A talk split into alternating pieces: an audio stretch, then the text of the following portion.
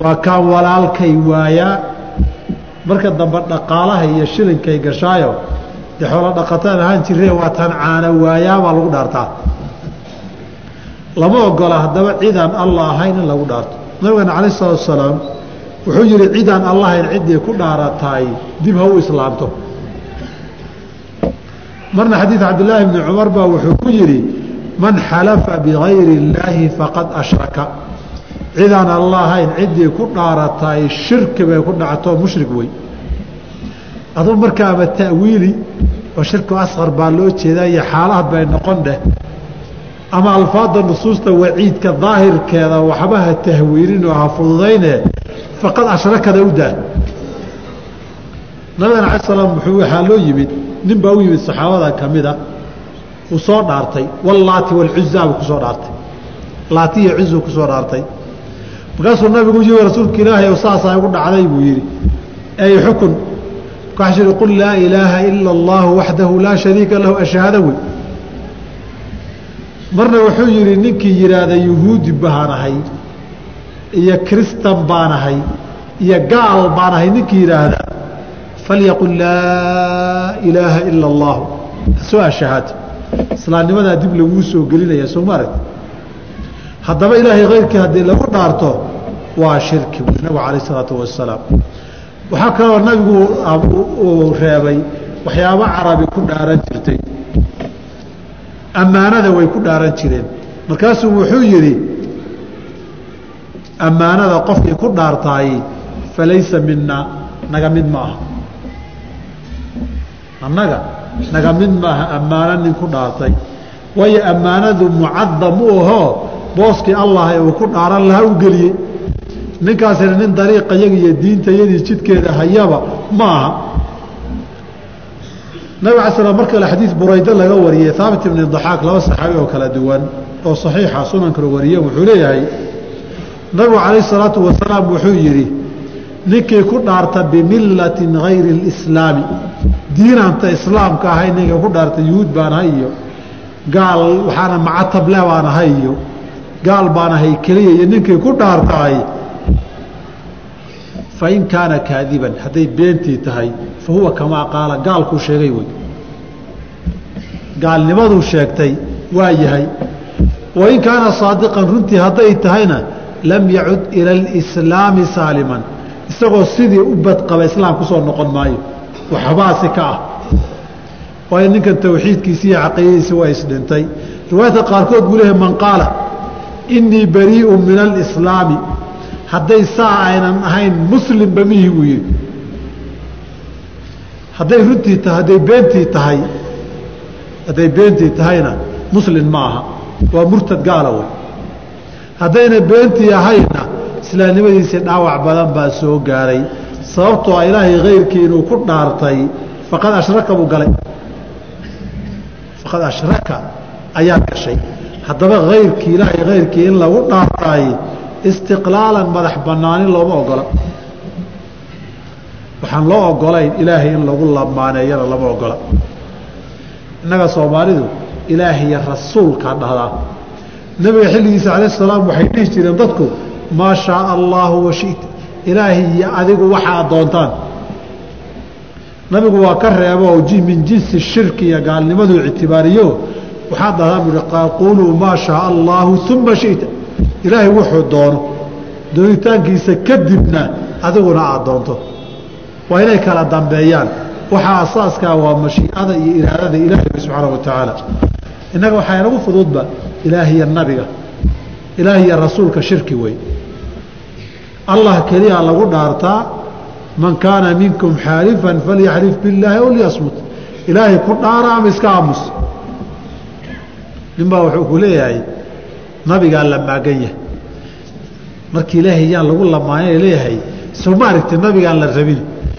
Wareedha ilaahay nabiga adiga si kale haddaanu dhigno ilaahay maxaa nabiga nabiga maxaa ilaahay la simay soo rabbi iyo addoonkiisu ma ahayn. Soo xuquuq cibaado kala duwan ma lahayn.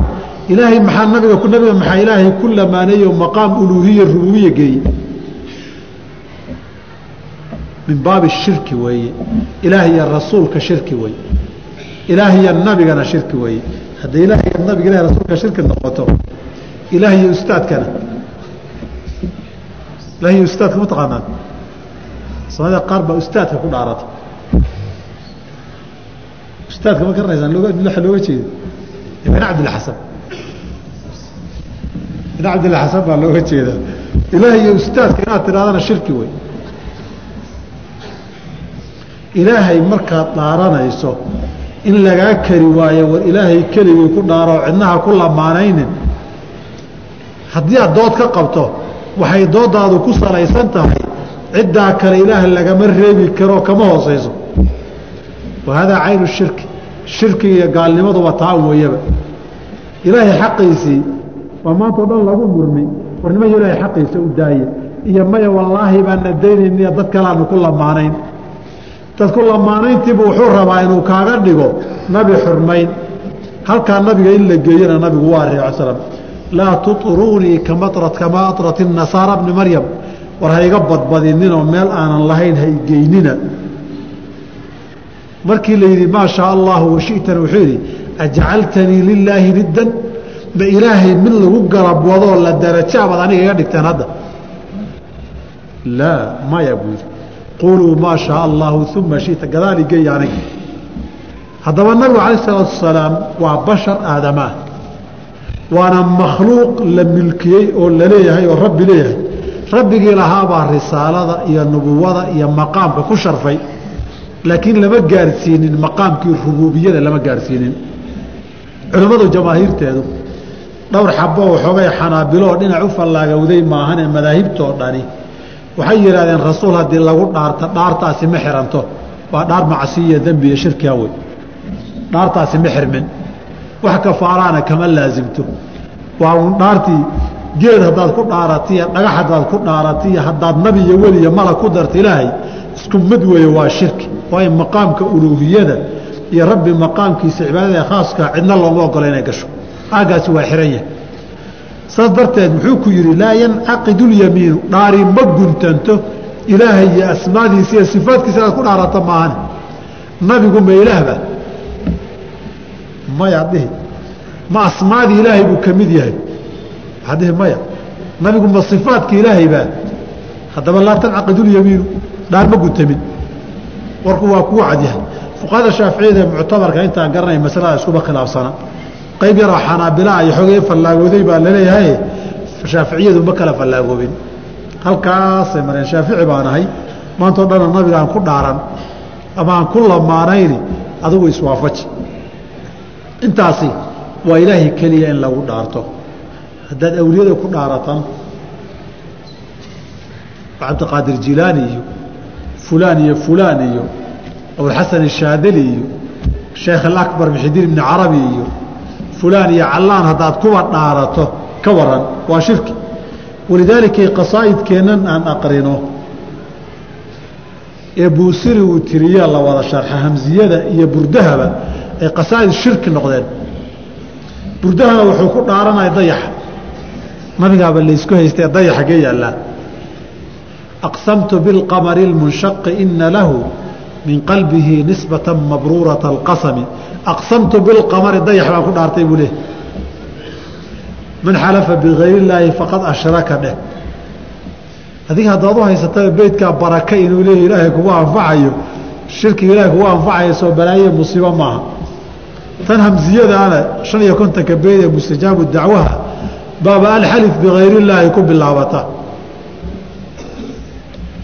yaa abalqaasim aladii dimna iqsaami calayhi madxun lahu wahanaa yaa abalqaasim abulqaasimkii waa nabi maxamed ala slam alladii abulqaasim oo dimna iqsaamii calayhi dhaaraha aan ku dhaaranaya ay ka mid tahay dhaaraha badanaan ku dhaartay nebi maxamed alayh salatu salaam nebi maxamed in lagu dhaartaaye maqaamkiisa ma aha maqaamka waa maqaam uluhiya rububiya wey maqaam rabbi iyo allah keligii leeyahay wey subxaanahu wa tacaala laakiin dadun baa waxaa laga kali leeyahay allah allahnimadiisa u daaye rabbinimadiisa u keli yeela shahaadadan tawxiidka ad aqriyaysaan ma asaxayso haddaadan arrimaha ilaahay u qarin subxaanahu wa tacaala. Kadib qofku haddii uu dhaarto oo dhaartii sidaa ahayd uu dhaarto waman xalafa qofkii dhaarta bisadaqati maalihi xoolihiisoo dhan inuu sadaqaysanayo.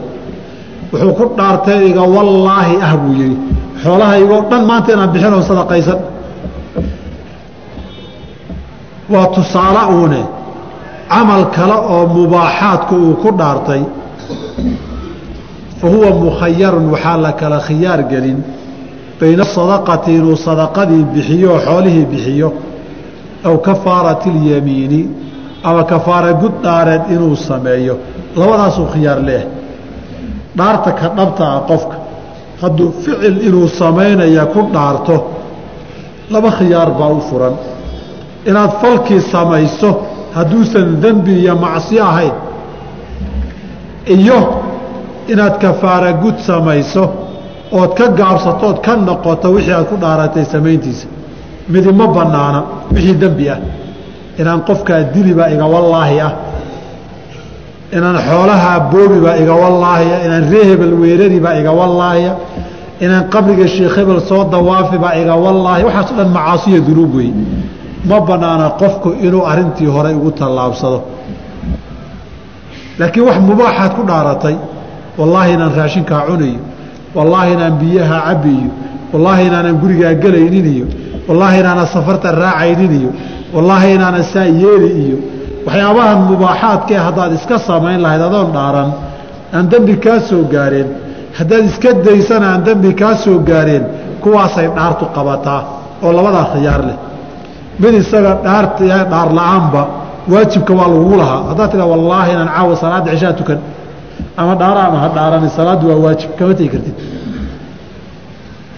Weligaaba dhaardhaaro ama isku adkeen naftaada maa ku adkayni kollaba salaadda inaad tukata waa kugu waajib. Wallaahi inaan khamriga iska dayn baa tiri. Ee waajib bay kugu haydo marka hore sooma khamriga inaad iska dayso. Wallaahi baanaan caawa sigaar cabayni marduuf qaad mijin qaadana cunayna haddaad tidhaahdo markii horey waajib kugu ahayd. Waajibkii unbaa isku sii adkaysay. Dhaar iyo dhaar la'aanba haddaad samayn weyda waa dambaabi. Xaaraantan haddaad ku dhaarata inaad samayn ma kuu bannaana. Waajib inaadan samaynaynin inaad ku dhaaratana ma bannaana. Wallaahi baanan caawa tukanaynin. Dhaarka dhaar dembiya wey iyaduna waa dembi waa dambaabtayba. Salaadiina waa waajib. Haddaad tidhaahda wallaahi inaan khamri cabbi haddaad tidhaahdana ama qofkaa dili dhiiggiisa daadin dulmi ahna hade waa xaaraan dhaartuna waa dembi. Falka inaad samaysana ma bannaana. Waxa haddii aad samayso iyo haddaadan samaynin aan dembi ku saarayn bay dhaari saamayn ku yeelataa. Markaa waxaad noqon fa huwa mukhayarun bayna asadaqati aw kafaarati اlyamiini labadaas inaad sadaqadan m tusaalahaa sadaqa ahaaye inaad falkaad ku dhaaratay fuliso saad ugu dhaaratay oo dhaartaadii ku adkaysato waa sida wanaagsan. Ilaahay baa waayo qur'aanka ku yidhi waxfaduu aymaanakum. Dhaartiinna xifdiyo ilaaliya inaad sida ay ahayd u ilaalisaan. Laakiin haddaad dhaartii jabiso aw kafaarati اlyamiini kafaara gudkii yamiintiiyo dhaarta weeye iyadaana kuu iman doonta waxay yidhaahdeen arrintaa waxaa loo daliishaday masaladan baabu nadar iyo kafaaraad iyo aymaan way isshabahaane oo nadarku waxay qaar yidhaahdaan waa nooc min alyamiini ahe nabiga alai slam dagaalkii tabuug markuu aaday dagaalkii tabuug markuu ka aaday dad baa ka haray. Dadkii ka haray inna waa cudur daarteen run iyo been waxay sheegeenba. Dadna maanay cudur daaraninoo saddex nin bay ahaayeen wa cala alaaثati aladiina khullifuu suuratu tawba lagu sheegay saddexdii nin waa kii la go-doomiyey oo lalama hadli kara xataa la yidhi saddexdaa nin kacb bni maalik baa ka mid ahaa towbadooda markii la aqbalay nabiga cala slam waa kii u yimi rasuulka ilaahay ou towbada ilaahay iga aqbalay waxaa ka mida oo iga axdiya ballana xoolahaygoo dhan inaan sadaqaysta buu waa ka aqbalay calayhi isalaatu wasalaam marka xoolahaagii o dhan inaad sadaqaysato haddaa adigu go'aansatood caafimaad qadoodan mariid iyo waxaba ahayn waa sadaqaysan kartaa. Adigoon dhaaraninba xoolahaaga o dhan sooma bixin karti nacam. Oo nabiga cala slam markii abubakar iyo cumar uma jireen cumar abubakar baa la tartami dhihi jiray ee nin soomaaliya uu keenay abubakar kii maalkiisa o dhan keenay maaha marka maalkaaga o dhan waa sadaqaysan kartaa. Haddaad ku dhaaratana waad bixin kartaa hadduu sadaqa ahaa hadday kugu yar adkaato oo markii waad yar kullaydo ama waad yar caraysnayd marka waxaa ku dhaaranaysay ama waad yar qiiraysnaydoo intii wax badan lagugu dul akhriyey baad qiiraysnayd. Markaasaad waxba aadan keri karin baad is aragta inaad qoorta la gashay albaab kaleo kuu furanoo kafaaratulyamiin inaad bixisaa kuu furan. Qofkaad la hadli maayo tiri la hadal. Nabiguna alay slam arrintaasuu door biday hadday waxani wax waxoogay dhibaato iyo culays keenaya yihiin. Wuxuu yidhi qofkiin inuu intuu dhaarto dhaartaydii baan isaga adkaysanaya haddaan la hadli maayo yihahda waxaa uga khayr badan inuu dhaartii jebiyo kafaaratulyamiin iska bixiyo. Saasaa uga khayr badan buu yidhi. Kafaaratulyamiinku waxay tahay waa inoo iman doontaa. Dhaartaasi waa dhaartee waa dhaarta qasab iyo ulajeedda aad u tiri een afku kaa baranin aan afka iskaga dhicine hadal halqabsiga aan iska noqonin wey. Walaa shay-a waxba laguma laha. Fii laqwi اlyamiini dhaarta laqwiga ee carabku iska bartay een qalbiga jirineen ka soo goyin waxba laysuma qabto. Laa yuaakhidukum اllaahu bilagwi fii aymaanikum. Dhaartiina laqwiga ilaahay idinma qabto. Caisha waxay leedahay waxay ku soo degtay ninka sheekadiisa markuu sheekaynayo afkiisu dhaarta ka bartay. Wallaahi bay saa tahay. Wallaahi bay inahay saas samiya wallaahi ma arag. Qofka waxaad leedahay war alaabtii meesha tiile ma aragti. Maya wallaahi ma arag buu ku leeyahay. Cidima dhaarsanin. Isna halqabsi bay isaga noqotay. Isagana halqabsi laa wallaahi wa balaa wallaahida wey. Walow aynan ficnayn afarkaaga dhaarta inaad barto. Oo wax fado aymaanakum ay soo gelayso dhaarta inaad in badan iska ilaaliso haddana haddii ay dhacdo dhaqan iyo iska eray layska dhahan noqoto waxba kama xirno. Waxna kama guntamo kafaarana kama laasimto in la fuliyana waxba laguma laha qofka. Walaa shaya fii laqwilyamiini saa wey walaakin yuaakhidukum bimaa kasabat quluubukum ama bimaa caqadtum اlaymaana dhaartii qalbiga ka soo go'day ee qasadka ahayd taa baa laydiin qabanaya bu ilahi subxana wa tacaala waman xalafa ninkii dhaarta allaa yafcala shay-an waxba inaanu samaynin wax inaanu samaynin waxaa samayn maayuu yidhi. Fa amara hayrahu cid kala amra bificlihi inay sameeyaan lam yaxnad ma dembaabinoo dhaartii ma jebinin. Fuqahada shaaficiyadu masaladan haddii saa loo duuduubo waa masale ay waxoogay isku maandhaafsan yihiin. Laakiin markii mufa iyo amhiladeeda aada aqrido waxay u dhowdahay laba in loo qaybiyo. Waxaanuu qofku ka dhaartay inuusan samaynaynin haddana daduu u dirayee sameeyey. Ma wax isaga loo tiirinoo loo sameeyeybaa mise waa waxaan isaga loo samaynin weeye. Labadaasaa loo qaybin. Bilmithaali yatadixu lmaqaal ba ilaah idin fahansiiya marka. Ninkan inuusan naag buu ku dhaartay inuusan guursanaynin. Ama wax buu ku dhaartay inuusan gadanaynin qof buu dirayoo iisoo gad ama meerka iisoo aqbal buu yidhi. Manfacadii iyo milkigii iyay u hoyatay. Isagay u soo hoyatay taas. Wuxuu ku dhaartay qofkaa alaabta inuusan la qaadaynin. Qof wuu diro wuxuu war waan ka dhaartay orad la qaad. Qofkii baa la qaaday.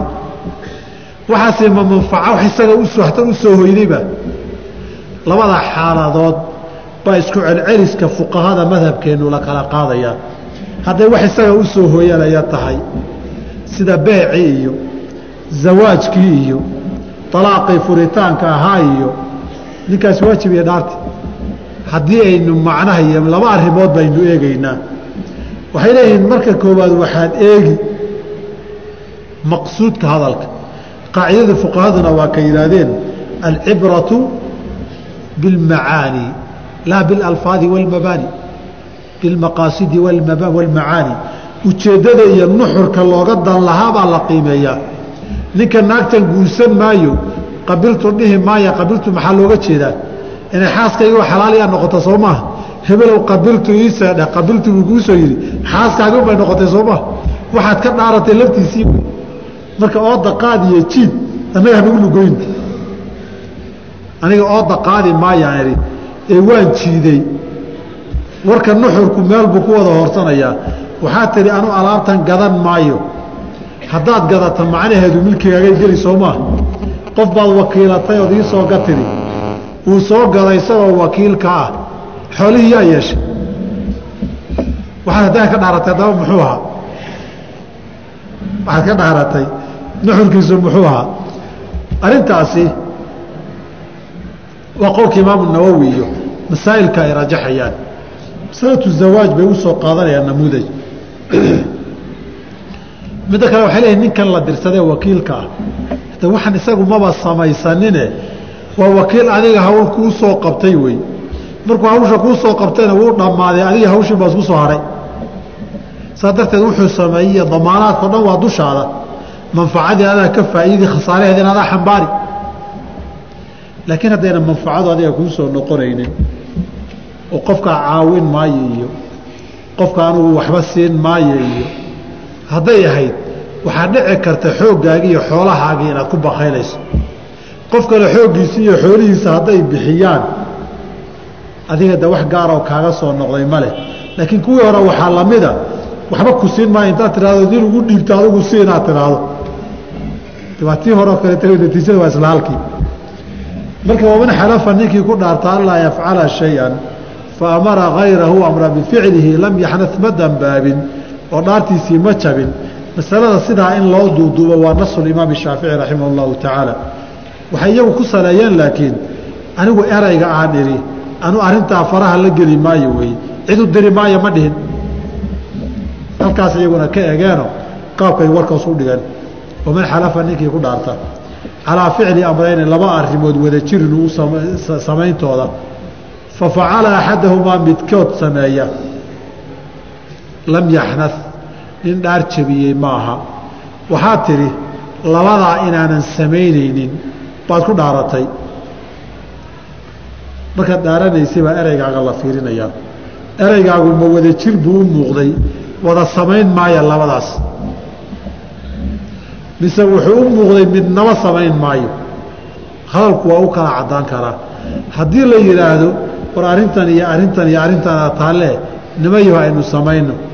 Waa la wada hadlayoo waa laga doodayoo war iskuma dari kariyo ninkii labadan iskuma dari kara taagnaa wallaahi baan aanu labadaa samaynayni buu yidhi.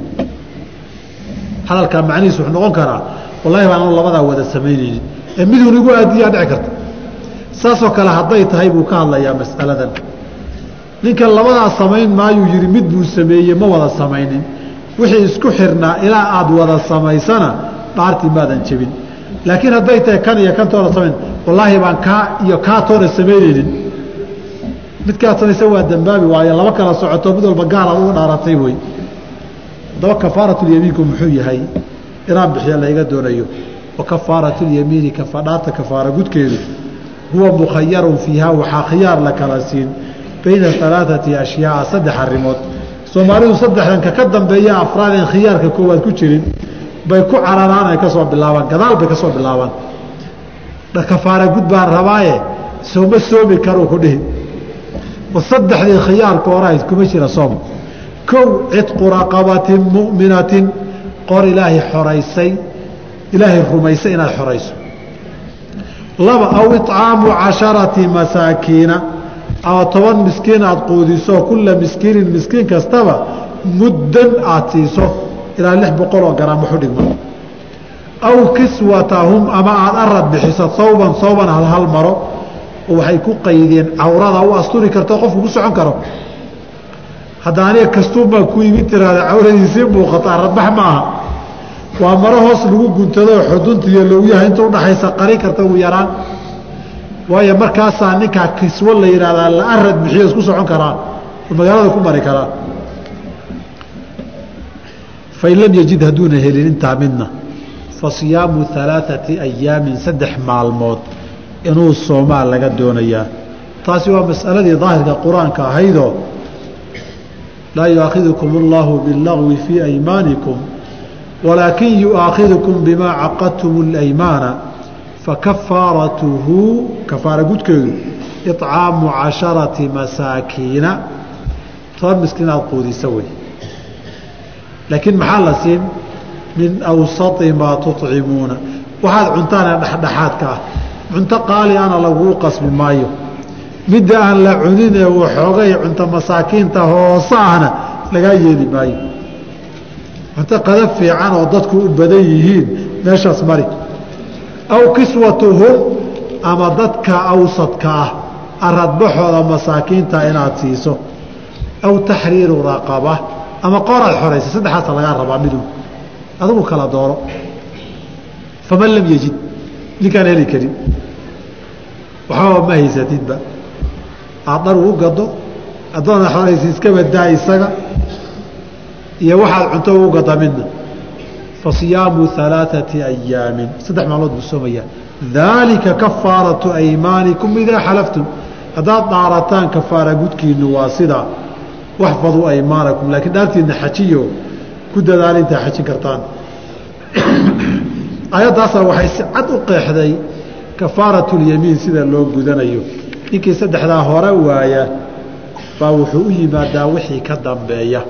Intaasuu mualifku ku soo koobay abwaabu alaymaani dhaartii iyo wixii la midka ahaa. Dhaartu mar kaley soo noqon doontaa. Dhaartani dhaar kaloo soo noqon doontaa jirtoo noocan ahayn. Dhaartu waa dhaar allah lagu dhaaranayo laakiin ninka waa nin keligii dhaartay oo keligii wax adkeeyey weeye ninka laga hadlayo. Isaga keli ahaan maxaa laga rabaa dhaarta gar garta iyo dooda ku timaada ee isqabqabsiga ku timaada ashahaadaat waalaqdiyatu iyo dacwa iyo bayinaat xubaabka ka dambeeya. Ba insha allahu tacaala alaqdiyatu washahaadaat bay noogu iman doontaa ninka dhaarta lagu yeesho. Dhaarna waynu soo maray oo dhaar saddexaad oo taa la xiriirta weeyo. Baabulqasaama waan soo marnay iyo damulaws ninkii dad meel lagu arkay ee lagu dhaaranaya dadka iyagu inay dileen kontonkii dhaaroodna waynu soo marnay marka dhaartani waa nooc dhaarihii ka mida cibaadada ilaahay la caabudana ka mida haddaba cidaana ilaahayn ha ku dhaaranina. Hana aqbalina cidaan allah inaad ku dhaarataan. Faslun waannadru yalzamu fi lmujaazaati calaa mubaaxin wa aaca nadarku laba mas'aluu leeyahay. Inta aan loo gudbin masalada mualifku sheegay nadarku xukunkiisa sharciga waa laga fiican yahay waa makruuh inda cinda kaiiri min ahli اlcilmi ama aan iraada jamhuurtooda imaam اqurطubi iyo rag lamidana waxay leeyihiin nadarku waa xaaraan waana hawa guntame asal waxaa u ah in nabigeena calayh الsalaatu wasalaam ay ka sugan tahay min xadiidi ibni cumar nahaa can الnadri qofku nadar inuu gala nabigu waa reebay. Wuxuuna yidhi inahu laa yuqaribu min ibni aadama shay-an. Addoonka qofka aadamaha lam yakun illaahu qadarahu lah. Waxa ilaahay kuu qadarin kuu keeni maayo. Wa yustakhraju bihi min albakiili bakaylka ilaahay dartii waxu bixin waayey baa wax lagaga daadiyaa markaa waxaad xukuman tahay nadar markaad gashay wuxuu soo kordhin ma lehee bakayl ilaahay dartii waxu bixin waaye oo laga daadiyey baad xukuman tahay. Horta sideedaba nadar bakaylu baagalaba ilaah waan kuu soomi nadarka sideeqiisu waxaa weeye inaad tiraada ilaahu waa waxa haddaan siiso saasaan yeeli. Ilaahu waxa haddaad iga qaadda saasaan yeeli. Oo sidaas aada yeelayso haddii ay qadarayd inaad yeesho waxaan aad hesho ama waxaan lagaa qaado ood nadarkii sidaa u gasho kollaba sidaa unbay noqon lahayde. Adigaa qalbigaaga waxa inaad nadar gasho loogu tuuray bakayr taacadii cibaadadii ilaahay ku gacan adag baad noqotay. Markaasuu nadra laa yaأtii bikhayrin. Wax khayroo uu kuu soo jiidiyoodan lahayn oo iskuu keeni midna ma laha. Laakiin ay bakaylku wuxuu kaga soo saaraa buuhi riwaayadka qaarkood oo saxeen ku yaalla maa lam yakun yuriidu an yukhrija. Wuxuusan doonaynin inuu bixiyo oo sameeyo. Baa lagaga soo saaraa lagaga daadiyaa. Wa min hunaa buu nadarku makruuhu noqday. Isaga qurطubi wuxuu leeyahay anu daahiri baan maanta noqono. Nahyi baa meesha yaalla. Nahaa can inadri nadarka nahyigana asalkiisu taxriim weeye. Anu qariino leexisa maba arage. Waladii yadharu lii annahu muxaramun buu leehay inuu xaaraan yahayba aniga ii muuqanaysa haddiise ay dhacdo inaad nadarto nadarkaagu laba mid weeye. Nadru طaacatin iyo nadru macصiyatin waxaa sadexeeya nadru mubaaxin. Waxaad ku nadartay inaad samayso ma cibaado khayr oo ilaahay sharcigiisa diinta sal ku lehbaa. Mise wax dembia inaad samayso aad ku nadartay. Mise wax mubaaxaad ahaabaad samayntiisa iyo ka tegitaankiisa ku nadartay. Cumuuman wixii aan macsiyo ahayn nadarkii inaad oofiso gaar ahaan taacada markii uu yahay waa sifaadka dadka mu'miniinta ah. Ilaahay uu ku tilmaamay yuufuuna binnadri wayakhaafuuna yowman kaana sharuhu mustatiira. Nadarka iyo ballanka ilaahay la galeen bay oofiyaan. Haddaba nadarka inaad oofisana waa la isfaray. Walyuufuu nuduurahum walyatawafuu bilbeyt alcatiiqi buu ilaha yihi subxana wa tacaala nadarkiiyo sharadkay galeen ha oofiyaan saa darteed nadarka waa muaaco markuu yahay buu nadar wax taraa. Wanadru nadarka yalzamu wuxuu laasimaa fi lmujaazaati abaalka laga doonayo qofka inuu guditaan uu gudo calaa mubaaxin wa shay mubaaxa iyo shay aaca ahaa. Laakiin shay macsiyo ahaa nadar kumaba guntamo ma laasimo ka qofka iga jiranaa hadduu ii caafiyo falilaahi calaya ilaahay wuxuu igu leeyay hoon u samayn an usaliya inaan tukado aw asuuma aan soomo aw atasadaqa ama aan sadaqaysta waxuun inuu sheego.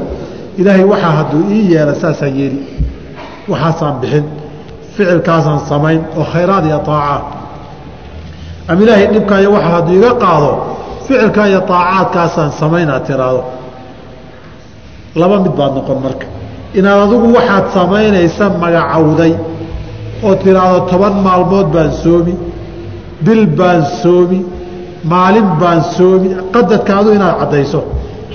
Iyo inaadan sheegin cadad adigu haddaad sheegto intii aad sheegtaybaa wixii haddaad hesho baa kugu waajiba. Inta adigu qabsatay wixii aad ku xidheed qabsatay haddii laguu sameeyo wixii aad ballan qaaday saad u ballan qaaday baad u fulin laakiin haddaada waxaa magacaabay waan soomi ama waan tukan keliyaa tiri wayalzamhu min daalika hadduusan waxba magacaabin waxaa kaga waajibaya maa yaqacu calayhi lismu wixii magac ku dhaco ee wuu soomay la dhihi karo soon maalin baa u yar salaadna ragcad baa u yar sadaqana wixii maal noqon kara ugu yar walow bishiqi tamratin waa kii la yiriye wax un sadaqa la dhihi kara waa inuu la baxa waa inuu soomaa maalin ka yar ma jirto waa inuu salaad tukadaa. Salaad ragcad ka yar oo watarka ka yar wili ma arteen culimada qaar ba waxay dhahdeen maya ilaahay inaan watru igu leeyahay ma dhihin. Ninkane watarkana habeenkii keliya iskaloo maalin lama watree. Laba ragcadood baa ugu yar bay yidhahdeen. Ragcad salaad wax la tukada caadiya. Nadarka sidaas ah waa nadar aaco oo ilaahay loogu dhowaanayo. Nabiguna calayh salaam yihi man nadara an yuiica allaha falyuichu qofka ilaahay inuu aeecaya ku nadraayey ha aeeco waman nadara an yacsiyahu. Ilaahay inuu caasiya qofkii ku nadrana falaa yacsihi. Nadra nadar kuma xirmo kuma guntamo kuma asaxo fii macsiyatin dembi iyo macsiyo la samaynayo. Ka qowlihi waa inuu yidhaahdo oo kaleeto in qataltu fulaanan hebel haddaan dilo dulmi uu ku dilayo falilaahi calaya kadaa ilaahiyo waxaayo waxaasu igu leeyahay. Nadarka macsiyadu laba nooc weeye nooc waa midkan mualifku uu sheegay oo ah shay ficil macsiyaa inaa uu doonayo qofku inuu sameeyo. Inuu ka rajaynayo ilaahay inuu u sahla dembigaa iyo macsiyada uuna ku abaalgudayo ilaahay inuu cibaado iyo taacaad ugu dhowaado haddii ilaahay dembigaa iyo xumahaas u sahlo. Warka nuxurkiisu intaa weeye in qataltu fulaanan bimacnaa ilaahay hadduu ii fududeeye hebel dulmi inaan ku dilo ama aan xoolaha caawa tuugu u diyaarsan yahay inuu wax soo xaduu rabaa markaasuu wuxuu leeyahay caawa xatooyadaa xoolaha hadday ii suura gasho. Waxaya waxaas ilaahay dartii u samaynayaa. Nadarkana sidiisaba markaad nadarkaa gelayso markaad leedahay ilaahay qofka igi jirana hadduu ii caafiyo. Waxaad ilaahay ka rajaynaysaa inuu caafin karo. Inuu ilaahay leeyahay awood uu ku caafiyo iyo tasarufkeediina waad rumaysan tahay sidoo kale markuu leeyahay ilaahay hadduu u fududeeya inuu qofkaa dilo weli caqiidadii baa kugu jirto oo ilaahay inuu awooddaa leeyahay isagana dunida maamulkeeda haysto baad nadar ku gashay. Laakiin waxaanaad rabta ilaahay inuu kuu fududeeyaad u kaalmo weydiisanayso baa dembiya macsiya. Waxaa ka mida nadarka isagoo si kala ah baa inugu badan qofkaa haddaan dilo waxaase ilaahay u sadaqaysan idinkuma badna kuma badna. Laakiin iyadoo sawir kalaa idiin sheegi ilaahay buufiska hadduu ii sahlo ilaahay hadduu taa ii fududeeyo oo mar xaggaa i geeyo waxaasaan bixinsan uma badno meelaad u socotoo macsiyaa kow kuwanaad marayso ood been u sheegayso. Iyo musuq maasuq waxaa laga yaabaa labaan isqabinoo waan isqabnaa baa meesha taagan. Ilaahay hadduu kuwana dhaafiyo buu leeyahayo. Aan beentanada la ogaanin waxaasaa samayn taasi waa nadru macsiya wey. Waa nooca koobaad oo ah qofku inuu rajaynayo ilaahayna ka doonayo inuu camalkan iyo ficilkan dembiga iyo macsiyada ah uu u fududeeyo. Haddii ilaahay u fududeeyana isna ilaahay uu caabudi doono ilaahu macsiyada haddaad ii sahasho ood iigu kaalmayso waan ku caabudayaa weeye warkiisu. Sadaqaan dartaa u bixinayaa waan kuu soomayaa salaad baan kuu tukanaya warka naxolkiisu intaa wey saas darteed nadarka waa nooc nadaru macsiyo oo oo macsiyo inaad sameeya qofku uu rabo. Noorkan labaad ee nadaru macsiyada ah waa nadarkan shirkiga iyo kufrigaa wey inaad booskii ninkan dembi ha galo laakiin waxa qalbigiisa ku weyn ee qudradii iyo tasarufka iyo awoodda uu rumaysan yahay ee nafciga iyo durka uu ka rajaynayo waa allah. Booskii allah haddii wax kale la geliyo. Sheekh hebelow haddaad waxaaya waxaa ii samayso waxaasaan qabrigaaga keenaya waxaasaan kuu bixin. Taasi waa shirki wey diinta looga baxaa. Waayo alla dhanba tacdiimkii qalbigee wax lagu xidhayo waabaad ka saartay booski wadaad baa galay booskii allah iska lahaa wadaad baa galay. Ninkii dembiga in loo sahlo rabay wuxuu kaaga fiicnaa. Ilaahay awooddiisii iyo cadamadiisii qalbigiisa way ku jirtay. Isaguna weli kaalmo weydiisanayay. Adigu ilaahba waad ka saartay meesha soo safri. Siyaaradii sheekhuu soo aadi. Gawaadhi buu soo raaci. Ciiddiiba qabrigiibuu tawaafi. Toddoba jeer baa lagu wareegi waa la tukan ciid baa la qaadan. Wuxuu qabriguu kor istaagi marka. Sheekh aniga muraad baan kugu imi aniga ilmo la'aan bay haysa aniga niman dowladdan ku jira madaxaan iska kari laahay aniga in lay dallacsiiya la diidan yahay. Anig ganacsigiibaa iisu qaban la. Mushkilad iyo dhibaataa ninka keentay. Mushkiladda waxaa u keentay gurigiisa ilaahay inuu ku baryo way ku filaan weyday ilaahay inuu masaajid intuu galo toos ilaahay u baryana qalbigiisu waa ku degi waaye xaggee ugu dhowo xaajadaada ku gudan sheekh iyo qabrigii buu yidhi. Ninkaa wuxuu u soo safray weyneynaya wax ka doonayo wadaadka weeye allah maaha waayo allah qabriga keliya ma joogo. Meeshaad ka timid buu joogaa masaajiduna kugu jecel yahay.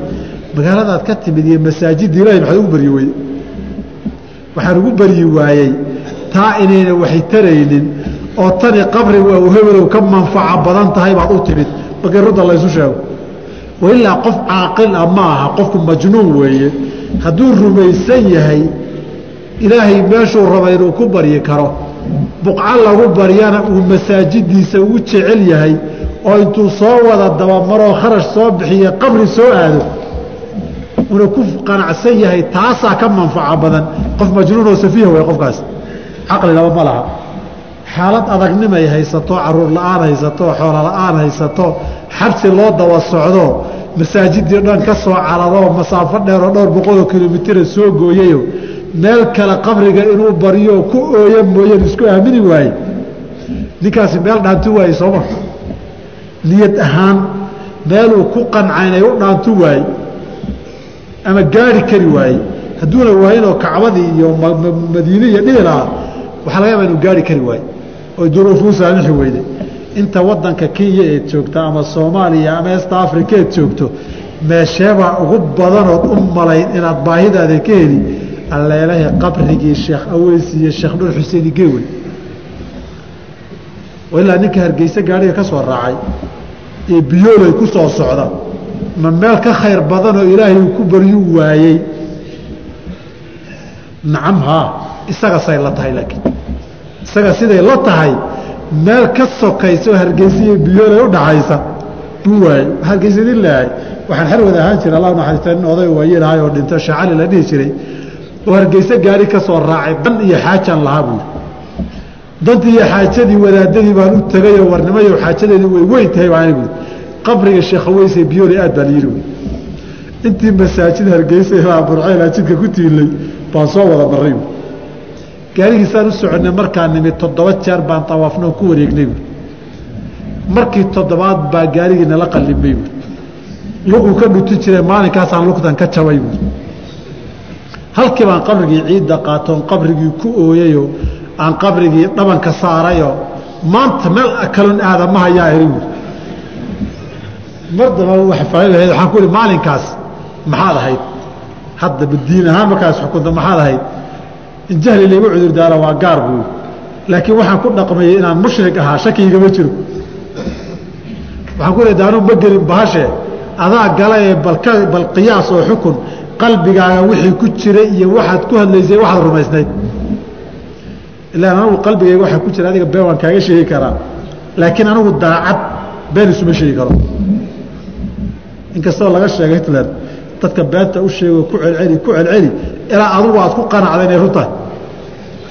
Beenta adugu aad samayso ilaa aad isku qancisa inaa run tahay ku celceli baa laga sheegaa hitler inuu yihi marka nadru macsiya qaybna waa qaybtaa shirkiga ee diinta looga baxee kufrigaa wey qofka mucayankee sameeya horaan idinkala hadlayoo dawaabitii takfiirka iyo shuruud iyo mawaanicdii baa leegi. Laakiin mulaqa jinsiga markaan ka hadlayno aw hebelow wax haddaad ii samaysa saasaan yeeli kufri wey diinta looga baxo. Waayo ilaahayba waa laga saaray ilaahaygii wax qadari jiray ilaahaygii wax samayn jiray. Tafriix اkhaair fii manaaqibi sheekh cabdilqaadir waxaan sabxada soddon iyo shanaad afartanaad meelahaas. Ba waxaa ku qoran islaan u soo safartay sheekh cabdiqaadir oo tiri intaa waxaan kuugu soo safray ilmankaa rabaa. Intay soo safraysay alla waa joogay si ay ilaahay ilmi uga barida way soo weydaysa iyadaa la tahay soo maa markaasuu wuxuu yidhi bay dhaheen iikaadi looxulmaxfuudkan kuu jalleeci. Balina wax kuugu qoran yahay inkada markuu waxoogay damooday buu wuxuu yidhi waxba kuguma qora gabaray. Walle inaana halkaa ka kacaynin bay tiri inaad halkaa igu siiso. Mahadhaxba kuuma qora maya looxul maxfuudkii uu mar labaad fiiriyo ilaahu hal wiil naga sii tafriix khaair ku qoran tahay tafriij khaairna way yidhahdaan inkastoo annagu aanu naqinay tanjiis khaair qalbigu nijaaseeyaa ma ahiro kamana farxiyin ilaahay baa yidhi bay dheheen cabdiqaadir ow looxul maxfuudka waabaad aragtaye waabaad aragtaye. Waxba umaana qori uguma talagelin ilaahay mar haddaan hadlay laba uga dhig buule warheedha xaggeeda wuxuu wadaa cabdiqaadir ilaah waa igu celcelinaya saddex uga dhig. Warhe ilaah afar uga dhig. Toddoba markuu marayo buu ilah yidhi bes bes waan siinay naga dha sideed baan uga dhigay. Sideed bay dhashay dheheen ninkaa qadyadaa waxay ka turjumaysaa wuxuu rumaysan yahay in sheekhanuu u yimidi kownka tasarufkuu rabo uu samayn karo wuxuu rabuu diidaa wuxuu rabana wuu bixiyaa. Addaaru naaficu isaga wey rajaha qalbigiisu isagu ku xihan yahay.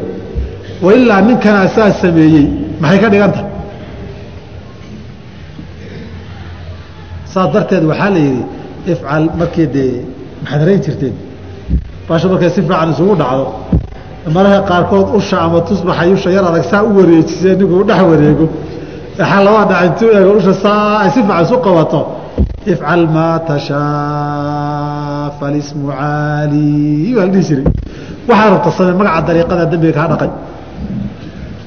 Waa dariiqada waa kufri iyo macsiya waxalba kaa dhaqiya waxarata iska samee. Qaybtaasina waa qayb shirkiya cinda fuqahaai shaaficiya allaahumma quwa talawuska istiqaasadu ay gashay maahane. Nusuustooda waxaan soo guurin doonaa markaan ka hadlaya arrintaan idiin ballanqaadee suufiyada soomaaliyeed mushrikiin iyo muwaxidiin kay xigaan baan marka hadli doonaa. Dawaawiinta qawaamiistooda baan idinku dulaaqri idin soo hordhigi doonaa. Markii qasaa'idka shirkiga ay bilowdeenna qasaa'idka shirkigaa ee la taaban karo cabdiraxmaan zeylaci baa keenay. Xilligaa ka hor dadka caqiidadoodu in badan nadiif bay ahayd. Isaga waxaa ka horreeyey shacali majartaan shacali majartaan iyo rag caqiidadoodu ay saxan tahay bay ahaayeen. Oo rasaa'ilkiisa qaarkood uu kaga hadlaya masaa'il badan oo kuwana lakiin cabdiraxmaan zeylici markuu zayn daxlaan iyo zayn daxlaan iyo kuwii lamidka ahaa markuu la soo kulmay bay bahashu bilaabatay iyo aweyso nolol ku soo gaaray iyo kutubtoo qasaa'idkoodaan idiin keeni doonaa. Wax badan baad madaxa gacanta saari doontaan insha allahu tacaala. Walaa yalzamu nadru nadarka ma laazimo calaa tarki mubaax inaad ku nadartay. Haddaad ku nadartay wax mubaaxahaa samayn maayo anigu. Waxba qasab kuguma nadarka inaad fuliso. Ka qowlihi wuxuu yidhi laa aakulu laxman. Ilaahay wuxuu igu leeyahay inaan hilib cunin walaa ashrabu labanan caanana cabbi maayo. Ilaahay waxaa nadar uu galay inaanan caano cabbin ilaahay nadar waxaan uu galay inaana hilib cunin.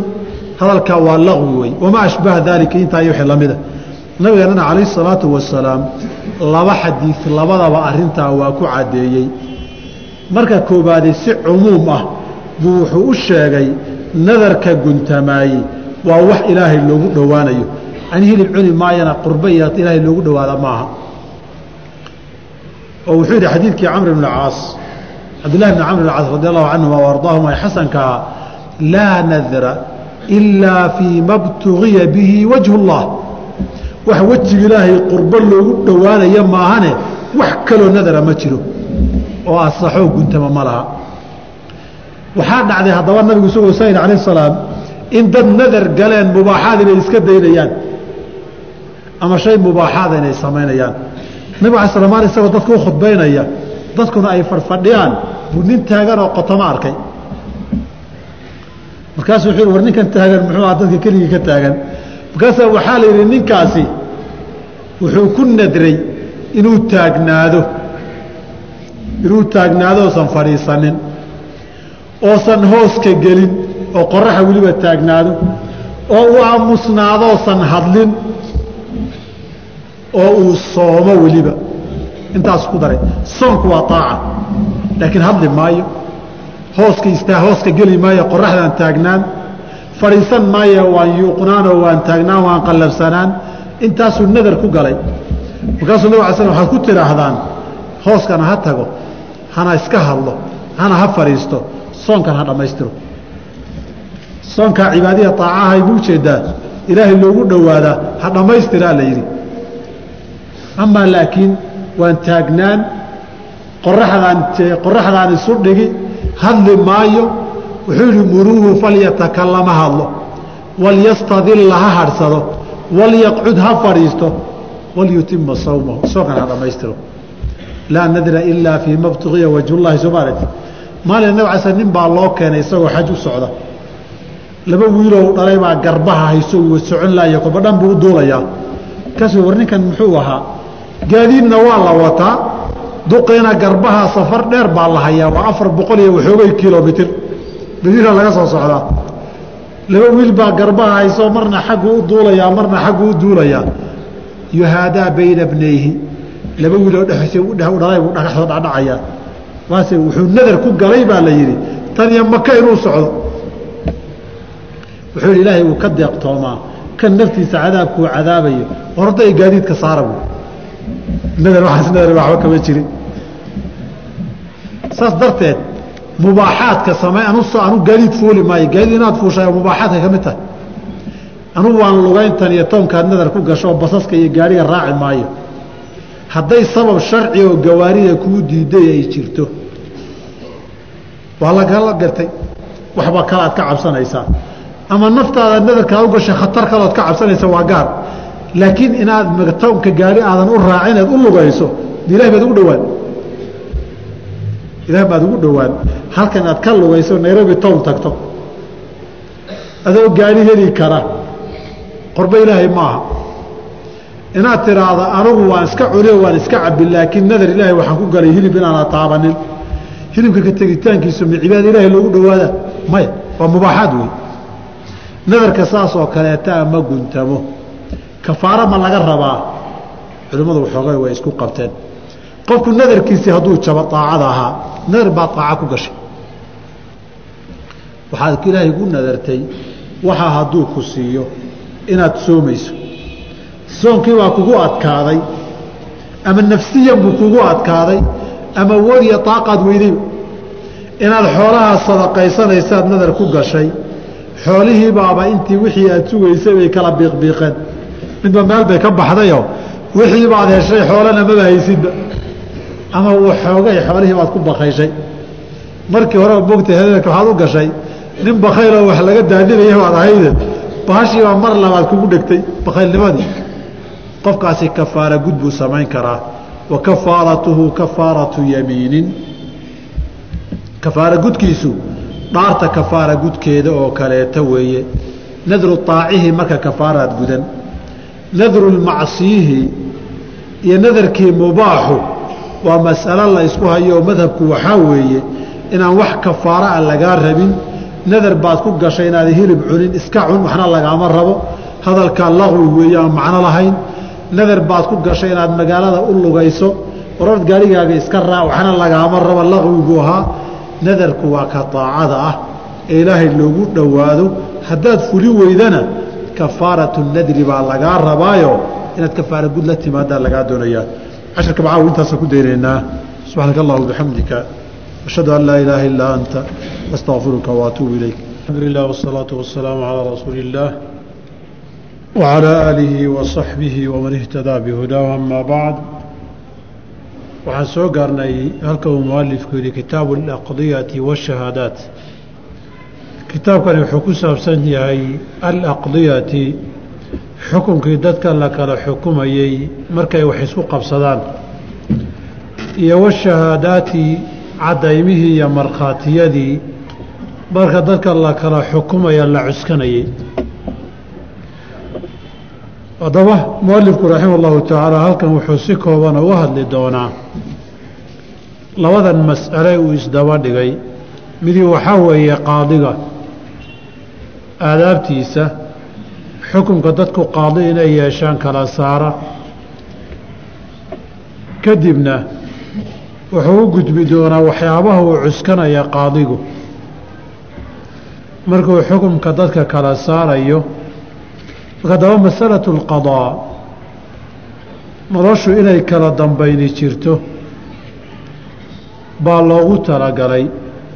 Saa darteed baabulqadaa marka laga hadlayo isagoo shuruudiisu ay iman doonto shariicada axkaamta shariicadeennu waxna waa wax khabar la yidhaahdo la rumeeyo ama caqaa'id ha noqdo ama wax tegay oo laga warramay ha noqdo ama wax mustaqbalka soo socdoo nusuustu ka sheekaysa ha noqoto. Waxna waa wax xukum sharci ah oo qaarka mucaamalaadka bini aadamka dhex mareen cibaadaadka ahayna in laga lagu kala xukumo wixii ay isqabsadaan labada qof oo isdhalay baa isqaban kara labada isqabaa isqaba baa isku dhici kara shirkadihii baa isku dhici kara deriskii baa isqabsan kara.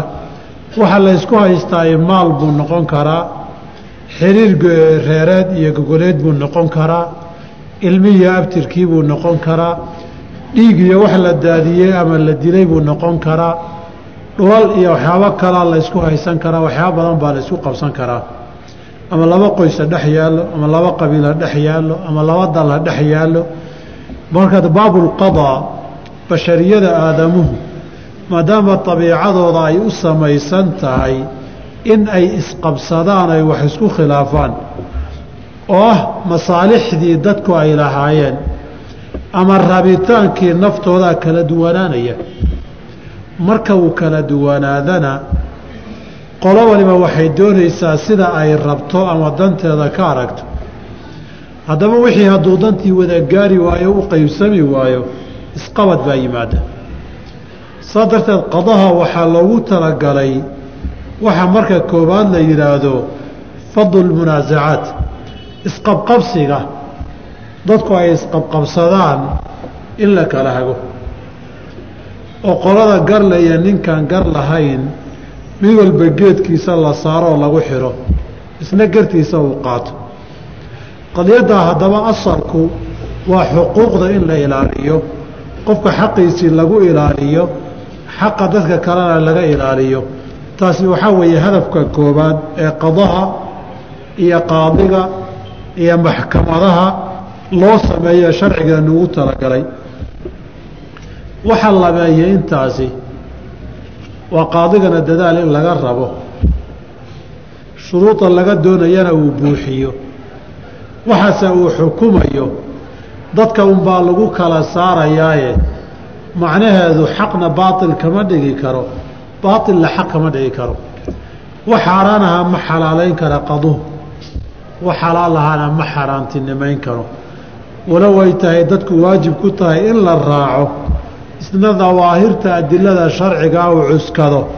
Haddana wuu qaldami karaa laakiin qofka la xukumay ninkan maadaama uu qaldami karo cudurdaaru ma aha lagama aqbalo. Sababtoo a taa haddii la aqbalo doodiiyo murankii in la soo afjara qadaha loo sameeyey baa macno beelaysa.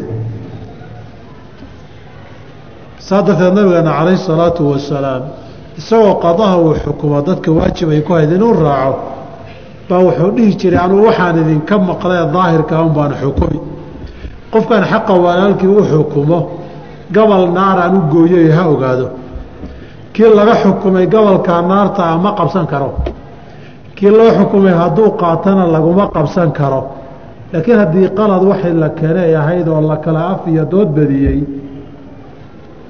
ilaahay agtiisa xaaraamka ma aha wa midnaaba waxaad arkaysaan kutubta fuqahada. Inay ku leeyihiin waxaasi waa laasimun qadaa'an iyo waxay ku leeyihiin qadaa'an laasim ma aha laakiin dayaanatan waa laasim diin ahaan adiga kuma banaana oo diin ahaan waxaa waajib kugu ah xaqaadan lahayn oo lagu xukumay inaadan qaadan baa waajib kugu ah. Laakiin qadaa ahaan waa lagu xukumay ninkii kalena qadaa'an waxaa waajib ku ah waxaa laga xukumay inuu faraha ka qaado ogolaado. Isagoo arka oo og oo hubo xaqiisi inuu yahay. Laakiin xujiya daliilu u keensan waaye. Tusaalaha idin siiyo. Nin baad la xoolo daymisay keligiin baad ahaydeen waad iska aamintay. Wuu kugu inkare war ninkan xoolaan ku leeyahay. Waxaa lagu yihi markhaati keenso markhaati baad weyday isagaa la yidhi dhaaro baalluhu ku dhuftay. Sharcan ma sii haysan kartid laakiin waad hubtaa xoolahaagiibu ninkii la maqan yahay. Adiga qadahu waa ku xayiray. Isaga laakiin waxaa la leeyahay qada waa laguu xukumo laguma qabsan karo laguma qabsan karo. Laakiin ilaahay baa kaa dambeeya oo aakhiro xaqaa xaaraanteed qaadatay waa lagaa goyn doonaa ogow haweentii ninkiisa ninkeedii baa hawada hadlay. Waxay tihi walaalow iga iska fur. Wuxuu yidhi walaalay waad furan tahay. Waa la iska joogay. Maalinkii dambe wuxuu yidhi kumaba furinba. Warsow adigii waad furan tahay yidhi kuma dhihin. Maxkamad bay timid. Inuu ku furay caddaynkeen baa layidhi markhaati ama qiraal. Way soo weyday war adu inaadan furin dhaaraa la yidhi xagafku kaga siiyey. Iyadii qadaa'an waxaa waajib ku ah inay reernimadii ogolaato. Isaga laakiin dayaanatan diin ahaan uma banaana haweentaas. Oo wuu isog yahay inuu furay laakiin qaadigu adilada sharciga ee daahirku buu buu raaci laakiin waxyaaba ka qarsoon waa jiri karaan. Haddaan saa la yeelin qaadiga raac la dhihin la jiifiyaana bannaan bay tegi oo ninkii qaadigaa laftiisii waa bashar bini aadana dadkaa isqabanayana qayb buu isaga jarjeersana ama xigtiya qaraabo la noqon. Wuxuu tix raacoo daahirka haddaan la siinin waxay noqon iska daana og marka iska daana og nin kastoo rabaa nin inuu daad raaciyo iska daa anaa og buu dhihi. Haddaba qaadigu iska daa anaa ogtii baa laga diida waxaan arki doonaa qaadigu wuxuu isagu og yahay ogaanshihiisa ma ku xukumi karaa alakaru laa maya. Baabkaa waa baab mafsade inaga xira. Waayo hadhow nin walba wuxuu raba intuu xukumo buu dhihi anaa ogaa war xaggeed ku ogeyd. Iska daa anaa og. Haddaad anaa ogta furto wax la xakamayn karoo xad loo samayn kara anaa ogtu maaha. Saas darteed wixii adigu aada arkaysay markii qaadi ahaan lagugu yimaado ka soo qaadi maadan waxba arag sheekh adigaaba arkaya haddii lagu yidhaahdo anu hadda qaadi baan ahay oo markhaati kuuma galee cid kaloo arkaysa oo markhaatiga keenso waayo haddii baabkaa la furo. Nin walbe oo qaadi ahba kii laaluush qaatay iyo kii xigtanimo jiidatay iyo kii labada nin xumaato midkood xumaato u qabay anaa og. Waxay soomaalida yihahda somaa firdi xogogaal firdi xogogaal in lagu qaado lama ogola. Haddaba baabulqadaa khusuumaadka iyo munaasacaadka iyo isqabqabsiga baa loogu talagalay in lagu kala saaro. Laakiin waxay yidhahdeen ninka qaadiga ah fii taariikhda muslimiinta ilaa sagaal toban shaqo buu lahaan jiray oo qaarkood hadda wasaarado gaar oo madax bannaan loo sameeyey. Horta ninka qaadigaa isagaa cadaaladii matala. Oo isagay sharciga booliska hoos yimaadaan oo isagaa suuqa iyo jidadka amarkooda bixiya dhaqan xumadii anshaxumada ka jirta waxyaabo badan. Marka waxay yidhahdaan kow waxaa ka mid ah oo kow ka ah isqabqabsiga inuu soo afjaro. Isqabqabsigu hadduu dheeraado afku way ka tagtaa marka dambe. Adin iyo gacan in lisula tagay tagtaa. Maxaa lagu xallin ama xukum ha saaro ama heshiisa dhex dhigee horta qabqabsiga iyo muranka iyo doodda iyo isxaagashada waa inu soo afjaraa. Waa shaqada qaadiga. Qaadiga waxa u labeeyay yidhaahdeen xuquuqdii la xukumay dabagalkeeda iyo fulinteeda anugu aan xukumo waan iska dhaqaaqay. Markii qaadi iyo dowladii jirta ma aha. Waa inuu jihaadkii fulinayey iyo hay'adihii u xil saaraa amar siiyaa ninkaa waxaasaa lagu xukumay waa inay xoolaha ka qaadaan ay ka wareejiyaan ninkaa qisaas baa lagu xukumay waa inay dadkii u soo qabtaan oo u soo xiraan. Ninkaa dembigaasaa lagu xukumay waa inay soo taagaan halkii lagaga goyn lahaa dembiga. Amarkeeda waxaa bixin amarkii in la fuliyeyna dabageli hay'ada qadaha wey. Boolisku qof intay iska soo qabtaan xad kama fulin karaan. Kamana saari karaan sharcigeenna. Nin baa u soo dacwoodayoo ninkanaa guriga iga qabsaday buu yidhi oga saar sharciguma ogolaa booliska. Maxkamadda gee. Goortii sharcan la soo xukumo ee laguu soo dira hawshaa fuli baa adigu fulin kartaa. Tan innagaa laynaga qaatay soomaaliti